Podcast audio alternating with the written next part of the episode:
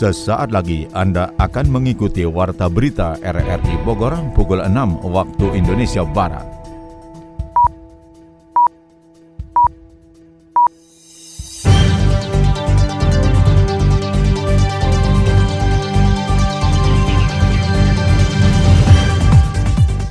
Selamat pagi.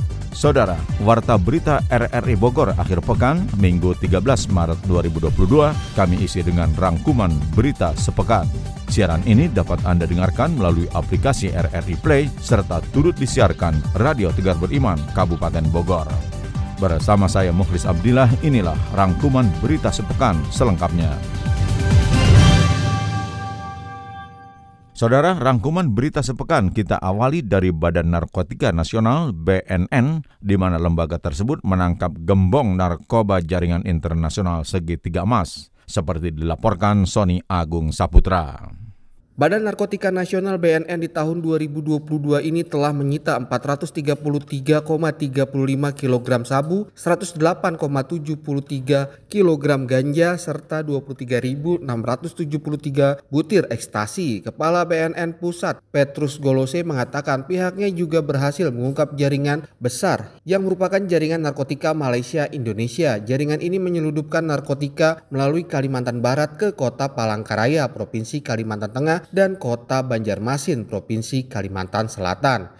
Kalimantan Tengah, petugas berhasil mengungkap jaringan agung yang merupakan jaringan narkotika Malaysia Indonesia. Jaringan ini diketahui menyelundupkan narkotika melalui Kalimantan Barat ke kota Palangkaraya, Provinsi Kalimantan Tengah, dan kota Banjarmasin, Provinsi Kalimantan Selatan. Dalam pengungkapan ini, petugas BNN RI menyita 5,27 kg sabu dari tersangka Y, LT, dan MR di Jalan Cilikriwut, kilometer 5, Kelurahan Bukit Tunggal, Kecamatan Jekan Raya, Kota Palangkaraya, Kalimantan Tengah pada hari Senin 21 Februari 2022. Ketiganya ditangkap di dua mobil berbeda saat melintas di Jalan Trans Kalimantan, Kabupaten Katingan, Kalimantan Tengah. Mobil yang dikendarai Y dan LT membawa sabu yang disembunyikan di door trim pintu tengah sebelah kiri mobil. Sementara mobil yang dikendarai tersangka MR berfungsi sebagai checker atau tim mata-mata. Golose menambahkan pihaknya juga melakukan pemberantasan jaringan dalam negeri maupun luar negeri atau transnasional organ crime. Selain itu, menurutnya BNN juga melakukan list drug trafficking dan investigasi terhadap kejahatan pencucian uang.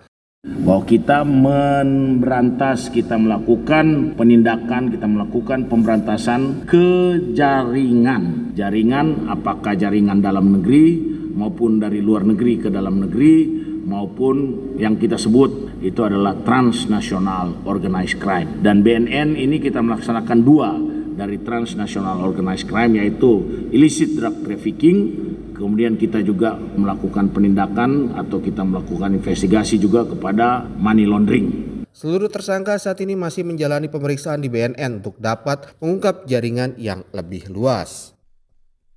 Pemerintah mengklaim situasi pandemi COVID-19 di tanah air terus membaik. Pemerintah pun kini melakukan pelonggaran sejumlah kebijakan penanganan COVID-19, di antaranya meniadakan syarat hasil negatif tes antigen maupun PCR bagi para pelaku perjalanan domestik. Catatan selengkapnya disampaikan Adi Fajar Nugraha. Sejumlah kebijakan dalam penerapan PPKM level 2 Jawa dan Bali mulai diperlonggar. Teranyar Menko Kemaritiman dan Investasi Luhut Binsar Panjaitan sebelumnya memaparkan adanya kelonggaran aturan pada sektor jasa transportasi. Luhut mengatakan pemerintah memutuskan untuk membebaskan syarat antigen maupun tes PCR bagi pelaku perjalanan domestik. Pembebasan tes tersebut berlaku untuk semua moda transportasi, baik udara, laut, dan darat. Selain itu, pelaku perjalanan luar negeri atau PPLN dengan tujuan Bali saat ini juga telah dibebaskan dari karantina. Dalam rangka transisi menuju aktivitas normal, pemerintah akan memperlakukan berbagai kebijakan sebagai berikut. Pertama, pelaku perjalanan domestik dengan transportasi udara, laut, maupun darat yang sudah melakukan vaksinasi dosis kedua dan lengkap, sudah tidak perlu menunjukkan bukti tes antigen maupun PCR negatif. Hal ini ditetapkan dalam surat edaran yang diterbitkan oleh kementerian dan lembaga terkait. Sementara itu, Ketua Harian Yayasan Lembaga Konsumen Indonesia Tulus Abadi mengatakan adanya pelonggaran pada sektor jasa transportasi harus disikapi dengan bijak oleh masyarakat dengan tetap disiplin menjalankan protokol kesehatan ketat. Tulus juga menilai kebijakan pelonggaran yang diambil pemerintah merupakan transisi menuju era kehidupan normal. Tentu kita apresiasi, tapi juga pemerintah jangan lengah, jangan trader, tapi tetap menjadikan ini sebagai sebuah masa transisi ya. Kalau kemudian nanti ada gejala atau indikasi bahwa terjadi peningkatan karena peniadaan kebijakan ini ya mau tidak mau diterapkan kembali dan ada konsistensi lah di nasional seperti apa, di internasional juga seperti apa. Karena kan ini juga konsistensi dengan pendatang uh, luar, datang ke uh, Indonesia ya atau oh, tadi jamaah umroh. Selain itu khusus di wilayah aglomerasi Jabodetabek, KAI Komuter juga telah menerapkan aturan baru KRL mulai Rabu 9 Maret 2022 lalu. Penerapan yang baru diterapkan yakni tempat duduk yang diperlonggar dan kapasitas penumpang ditambah hingga 60 persen, namun tetap dengan skema prokes yang ketat. Layanan KRL tersebut sesuai dengan aturan terbaru dari pemerintah yaitu Surat Edaran Kementerian Perhubungan nomor 25 tahun 2022. Lalu bagaimana tanggapan masyarakat terkait pelonggaran kebijakan penanganan COVID-19 khususnya bagi para pengguna moda transportasi kereta api? Berikut penuturan mereka.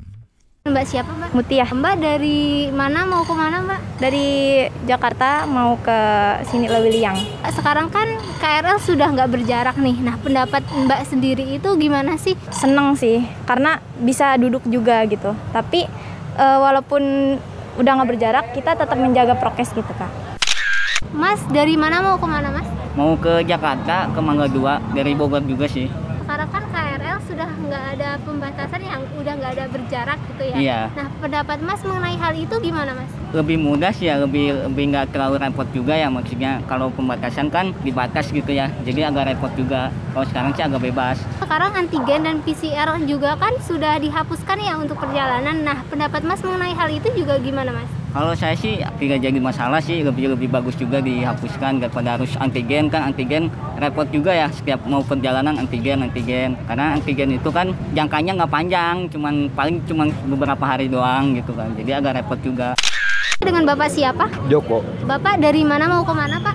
Dari Depok mau ke Bogor, setelah dari Bogor pulang lagi ke Depok. Bapak sekarang kan KRL sudah tidak berjarak ya Pak? Betul. Nah, menurut pendapat Bapak mengenai hal tersebut gimana Pak? Ini suatu apa namanya termasuk perubahan dan kemajuan tersendiri karena memang telah melewati masa-masa pandemi mungkin ya. Mudah-mudahan ke depannya bisa normal kembali seperti sedia kala gitu. Lalu untuk antigen dan PCR kan sekarang sudah dihapuskan ya Pak ketika akan melakukan perjalanan. Nah pendapat Bapak mengenai penghapusan antigen dan PCR ketika melakukan perjalanan itu gimana Pak? Ya saya rasa lebih baik juga, lebih bagus juga karena memang sudah boleh katakan terkondusifkan situasinya dan situasinya memang betul-betul sudah melewati masa pandemi atau masa covid gitu mbak. Menurut saya bagus mbak. Memang jadi tidak ada suatu apa namanya tambahan-tambahan yang sifatnya menjadikan suatu kegiatan tambahan gitu loh menurut saya lebih bagus mbak.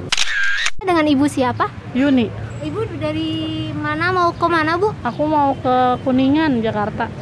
Bagus gak sih menurut ibu? Sekarang masih ada corona tapi maksudnya udah nggak berjarak gitu gitu menurut ibu harusnya gimana sebenarnya sih harus masih berjarak ya karena kan si coronanya masih ada jadi harusnya kita harus masih apa social distancing gitu masih ngeri-ngeri aja sih kalau misalnya nggak ada jarak gitu ya Lalu mengenai penghapusan syarat untuk antigen dan PCR dalam perjalanan itu menurut Ibu gimana?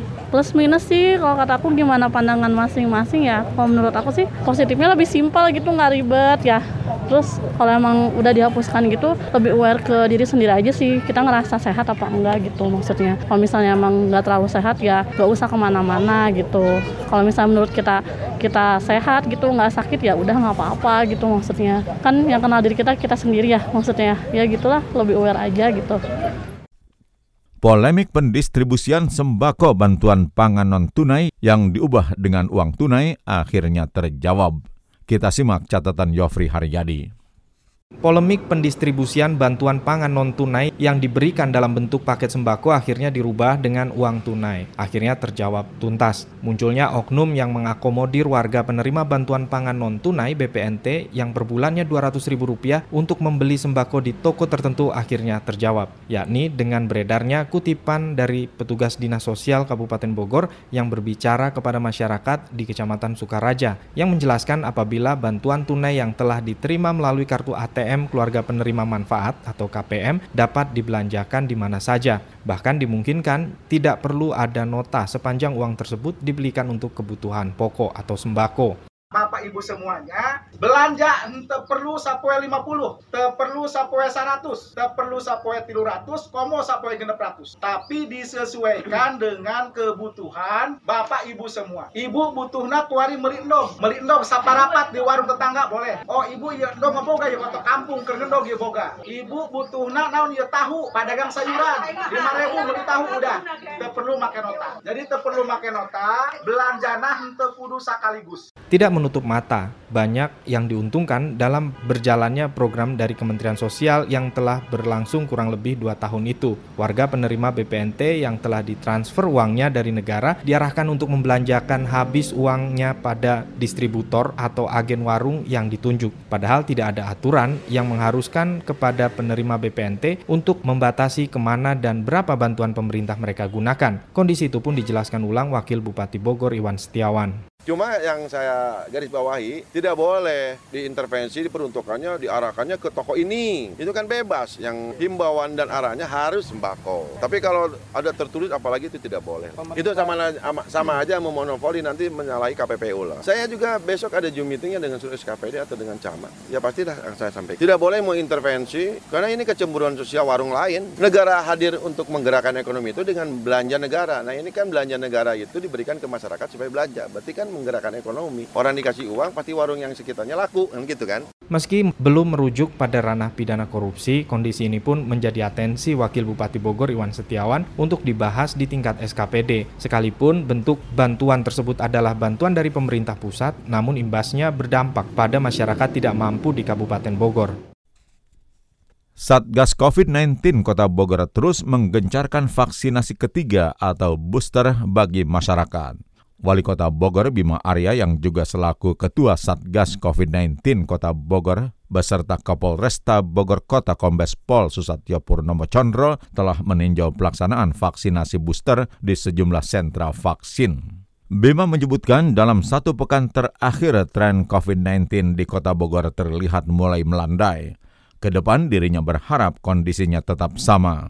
Namun demikian bukan berarti vaksinasi akan dilonggarkan tetapi akan tetap digencarkan. Bahkan tambah Bima, Kapolresta beserta jajarannya mengambil inisiatif masuk ke kantor-kantor pelayanan publik untuk menggencarkan vaksinasi. Sementara itu Kapolresta Bogor Kota Susatyo Purnomo Chondro menyebutkan capaian vaksinasi Kota Bogor masuk dalam 20 terbaik di Indonesia dengan rincian vaksin dosis pertama sudah lebih dari 100% dan dosis kedua sudah di atas 90%. Sedangkan untuk vaksin ketiga dosis booster tengah dimasifkan, ditujukan bagi warga yang belum mendapatkannya dengan selang waktu tiga bulan setelah dosis kedua. Untuk sentra vaksin booster, pihaknya ujar Susatyo membuka enam titik yang tersebar di masing-masing polsek atau pada area-area yang berpotensi terjadinya kerumunan seperti mal dan lainnya. Saudara, Anda tengah mengikuti Warta Berita dari Radio Republik Indonesia Bogor. Warga Bogor diminta mewaspadai cuaca ekstrim dengan angin kencang dalam beberapa pekan ke depan. Berikut catatan Sony Agung Saputra. Cuaca ekstrim dengan angin kencang bisa terjadi di Bogor dan sekitarnya dalam beberapa pekan ke depan. Hal itu terlihat dalam beberapa hari terakhir angin kencang dan hujan disertai petir terjadi di Bogor hingga menyebabkan pohon tumbang di sejumlah daerah seperti Sempur, Kayu Manis, Kedung Halang, dan Katulampa. Kepala Seksi Data Informasi BMKG Bogor Hadi Saputra menjelaskan saat musim pancaroba dari musim penghujan menuju ke kemarau memang kerap terjadi angin kencang bahkan hujan es di kawasan Bogor dan sekitarnya. Fenomena alam ini terjadi karena adanya belokan angin sehingga menyebabkan cuaca ekstrim dalam beberapa pekan ke depan. Angin kencang bisa mencapai kecepatan hingga 90 knot yang bisa menyebabkan pohon tumbang dalam hitungan menit. Masuk masa peralihan ya, peralihan dari kemarau, hujan kemarau. Jadi memang awan-awan yang bukan awan-awan kumulus, awan-awan yang mengandung wah, hujan lebat, angin kencang, sampai hujan es bisa terjadi. Hmm. Tapi kalau sekarang ini memang akibatnya nih adanya ini daerah belokan angin juga di Jawa Barat kan. Memang kalau mau perubahan musim itu ya anginnya pasti berubah. Makanya di atas kibulnya kita ini jadi daerah belokan angin, makanya anginnya kencang. Iya kurang lebih sebulan ini lah paling. Angin kalau angin kencang-kencang kayak gini paling semingguan biasanya. Kalau terpantau di alat kita sih sampai 28 knot. Cuman biasanya kalau yang sampai bikin pohon roboh kan nggak terdeteksi di alat kita karena kan lokasinya kan jauh. Kalau sampai pohon roboh itu ya sekitar hampir 50 knot itu, sekitar hampir 80 sampai 90 km per jam itu berembus dalam sesaat biasanya. Jadi dia nggak maksimal 15 menit biasanya kalau angin kayak gitu kita. Kepala BPBD Kota Bogor Teofilo menjelaskan aparaturnya terus berjaga untuk mengantisipasi pohon tumbang. Penanganan pohon tumbang bisa terjadi dengan adanya tim gabungan bersama dinas terkait agar bisa mengevakuasi bagian pohon yang melintang di jalan atau menimpa warga. Mendapat uh, laporan dari wilayah atau lokasi, siapa lah meluncur ke lokasi untuk uh, melakukan penanganan. Biasanya laporan itu kita minta sekalian dengan fotonya sehingga kita bisa memperkirakan seperti apa uh, situasi kita hadap. Apakah pohonnya besar atau pohonnya kecil atau hanya dahan dan segala macam. Sehingga personil meluncur memperkirakan kekuatan untuk penanganan. Ya pasti kita langsung penanganan tempat terutama kalau untuk misalnya yang melintang jalan berarti kita proses pengerjaan di tengah jalan dulu beresin di pinggir-pinggirin biar arus lalu lintas tidak terganggu. Jadi penanganan daruratnya dulu kalau dia di jalan. Kalau di atap rumah kita upayakan melihat untuk evakuasi dulu. Pihaknya menghimbau masyarakat waspada saat melintas di sejumlah tempat yang terdapat pohon besar seperti Jalan Pajajaran, Ahmad Yani, Semeru, Jalan Soleh Iskandar, dan kawasan Bogor Barat. Kenaikan harga sejumlah komoditas dinilai sebagai ketidakseimbangan penawaran dan permintaan atau supply dan demand di pasaran. Ini akibat belum mandirinya ketahanan pangan di Indonesia. Adi Fajar Nugraha menurunkan laporannya. Harga kebutuhan sejumlah komoditas di Kota Bogor mulai merangkak naik menjelang bulan puasa. Setelah masyarakat dihebohkan dengan kenaikan harga tahu dan tempe akibat harga kedelai yang naik, harga komoditas sembako juga mulai melonjak seperti yang terjadi di Pasar Bogor. Deden, seorang pedagang sembako menjelaskan, beberapa kebutuhan bahan pokok dan pangan mengalami kenaikan mulai dari cabai, bawang, hingga kacang tanah. Sementara minyak goreng yang dalam beberapa bulan terakhir ini menjadi perbincangan panas di masyarakat akibat harga yang terus meroket hingga kini masih mengalami kelangkaan di pasar pasaran. Emping naik, terus bawang putih, minyak sayur langka, kacang-kacang udah mulai naik. Langka minyak goreng. Sebenarnya langka enakan normal sih sebenarnya mah daripada dapat subsidi kayak gini. Sudah kan minyaknya susah. Susah minyak dicari-cari ke mana. Yang curah pun susah. Yang curah dari sana sekarang udah 14 ribu. Kalau yang kemasan udah susah, udah repot. Sekarang kita biasa ngambil 20 dus, cuman dapat satu dus. Gimana mau jual kan susah. Otomatis yang bikin sengsara rakyat aja. Tidak hanya sembako, harga daging sapi pun ikut meroket. Amin, seorang pedagang daging sapi di Pasar Bogor, turut mengeluhkan lonjakan harga daging sapi yang terjadi di pasaran. Bahkan harga daging sapi bisa mencapai Rp140.000 per kilogramnya. Hal itu berdampak terhadap prosotnya omset pedagang daging hingga 50% lebih. Kalau di Pasar Bogor ini memang sudah hampir dari lebaran kemarin itu ya terus naik dan sekarang lebih parah lagi sekarang setelah kemarin kita aksi demo mogok juga ya. Ini sekarang tetap aja naik naik gitu. Justru pembeli nih sekarang yang kita kasihan juga karena kalau kita nggak naikin kita juga rugi ya karena dari pemasok ke kita juga naik. Jadi otomatis ke pembeli kita atau pedagang kita juga ya harus mau nggak mau harus dinaikin. Pembeli ke kita juga turun, omset kita itu hampir turun hampir 50% lah.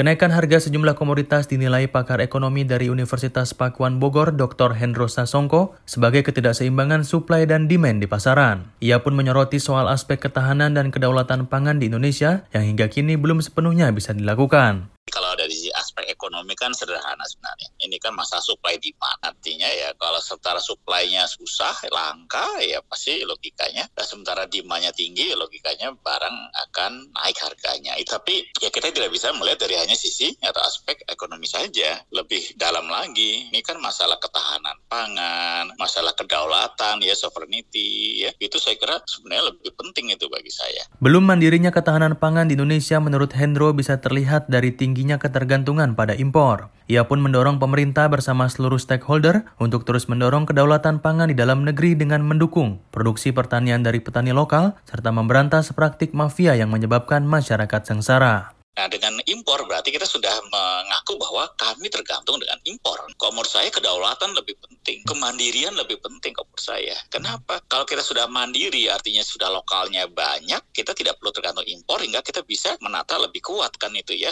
arsitektur pangan kita. Kenaikan harga komoditas di pasaran berdampak langsung terhadap masyarakat, terlebih menjelang puasa dan Hari Raya Idul Fitri kebutuhan akan bahan pokok meningkat. Pemerintah perlu secepatnya mengambil langkah konkret untuk menjaga stabilitas harga bahan pokok serta memastikan ketersediaan stoknya di pasaran.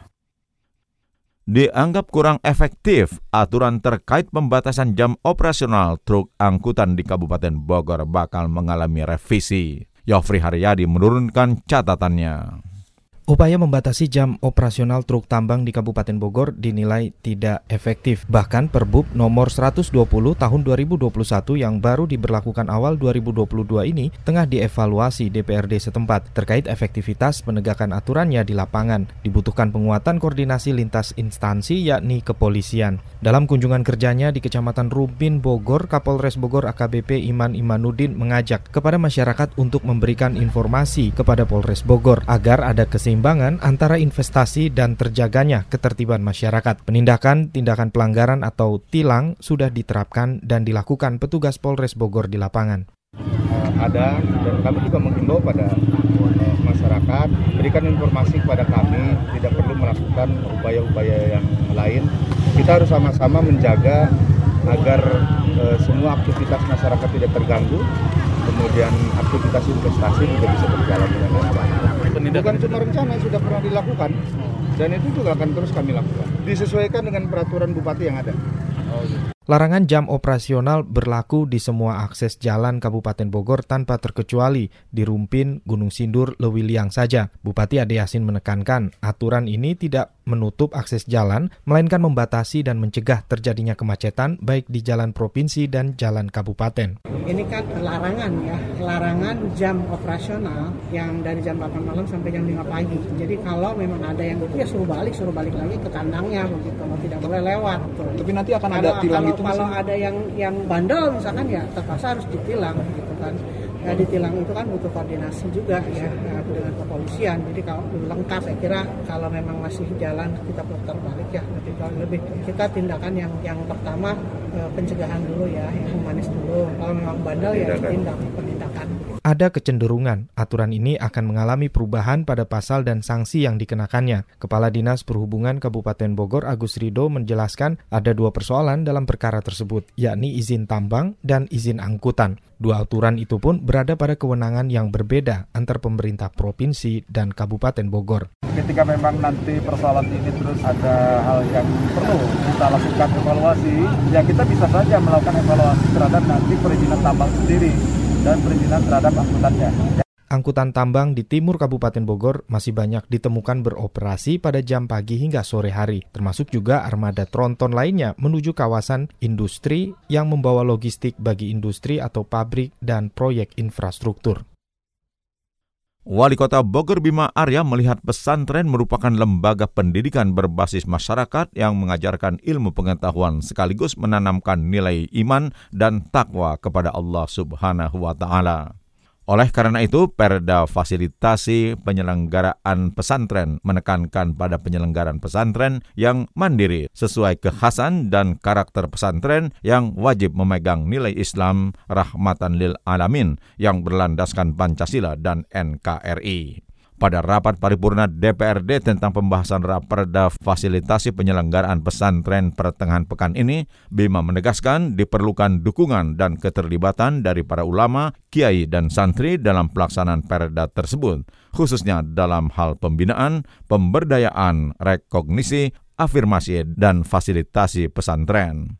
Dengan ditetapkannya perda tersebut, Bima berharap dapat melahirkan santri sebagai calon pemimpin bangsa yang berakhlak mulia dan berintegritas tinggi dengan memegang teguh nilai Pancasila dan NKRI. Pihaknya mengapresiasi pimpinan dan anggota DPRD yang telah menyetujui raperda itu menjadi perda. Sementara itu pada waktu yang sama DPRD Kota Bogor juga mengesahkan perda perubahan nama PDJT menjadi Perumda. Berikut catatan Sony Agung Saputra.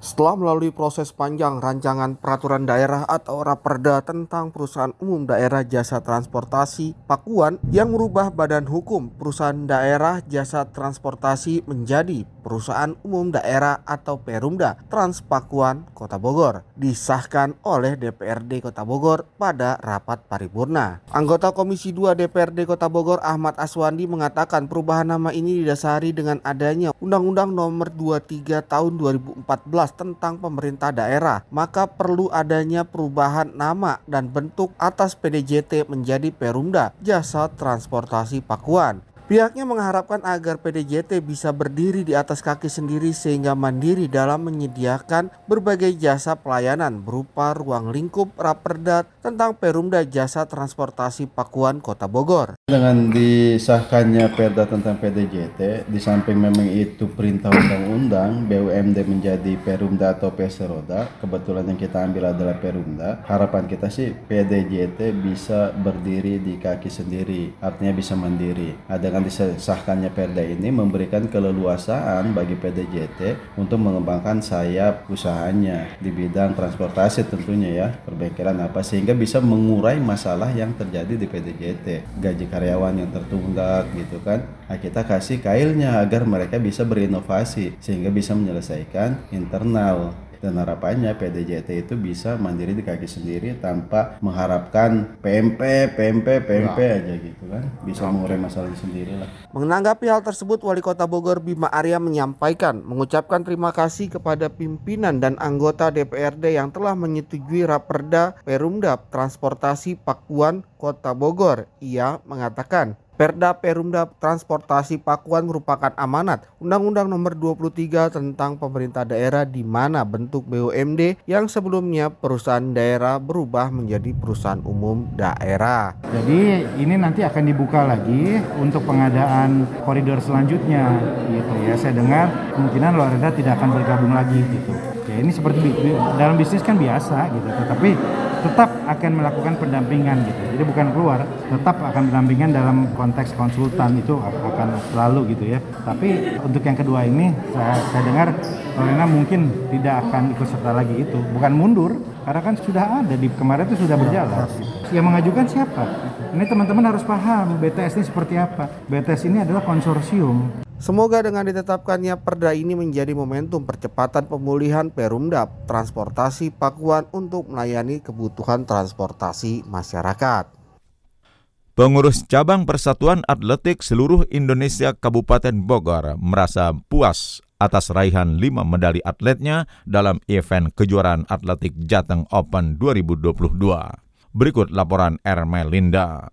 Prestasi membanggakan baru saja diraih pengurus cabang Persatuan Atletik seluruh Indonesia PASI Kabupaten Bogor melalui para atletnya yang sukses meraih lima medali emas pada kejuaraan nasional Kejurnas Atletik Jateng Open 2022 di kawasan Gor Tri Lomba Juang Semarang Jateng belum lama ini. Kelima medali tersebut dua di antaranya medali emas diraih Suwandi Wijaya dari nomor lompat jauh dengan catatan 7,45 meter dan melampaui limit Porprov serta satu medali emas lainnya lainnya diraih Hendro Yap dari nomor 10.000 meter jalan cepat dengan catatan waktu 44 menit. Sementara dua medali perak dipersembahkan Suwandi Wijaya dari nomor lompat jangkit dengan catatan 14.75 meter dan satu dari Tri Suhartono yang turun di nomor lontar martil dengan catatan 51,13 meter. Sedangkan satu medali perunggu berhasil diraih Stefanus Benaya dari nomor tolak peluru. Ketua Umum Pengca Pasi Kabupaten Bogor Al Gusri mengaku puas atas raihan lima medali yang baru saja diraih atletnya dalam event Kejurnas Atletik Jateng Open 2022. Ia juga menyampaikan rasa bangganya jika beberapa atlet juniornya bisa meraih prestasi yang membanggakan. Alhamdulillah Jateng Open itu ada anak kita, anak-anak senior ya,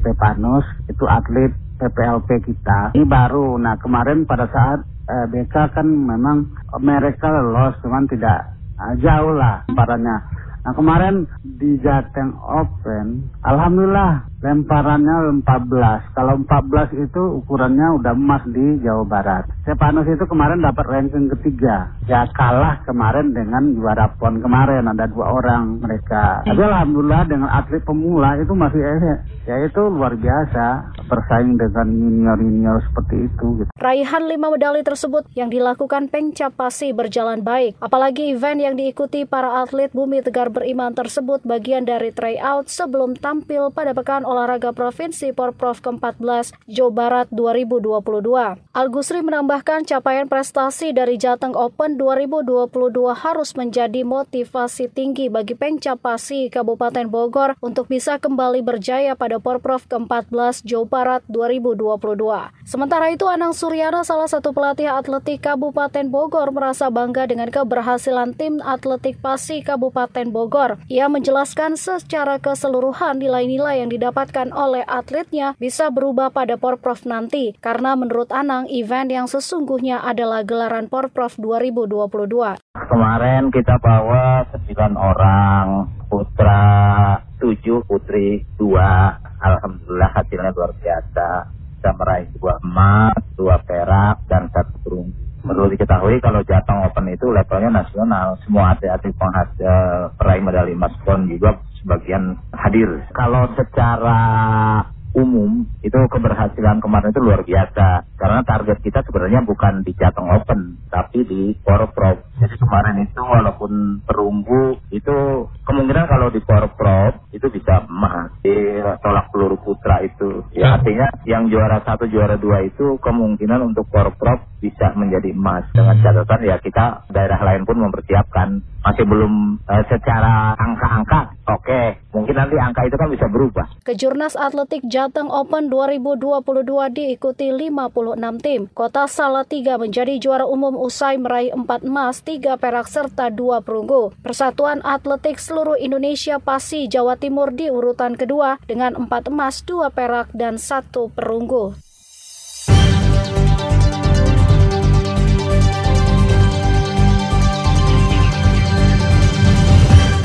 Saudara, demikian rangkuman berita sepekan dari Radio Republik Indonesia Bogor.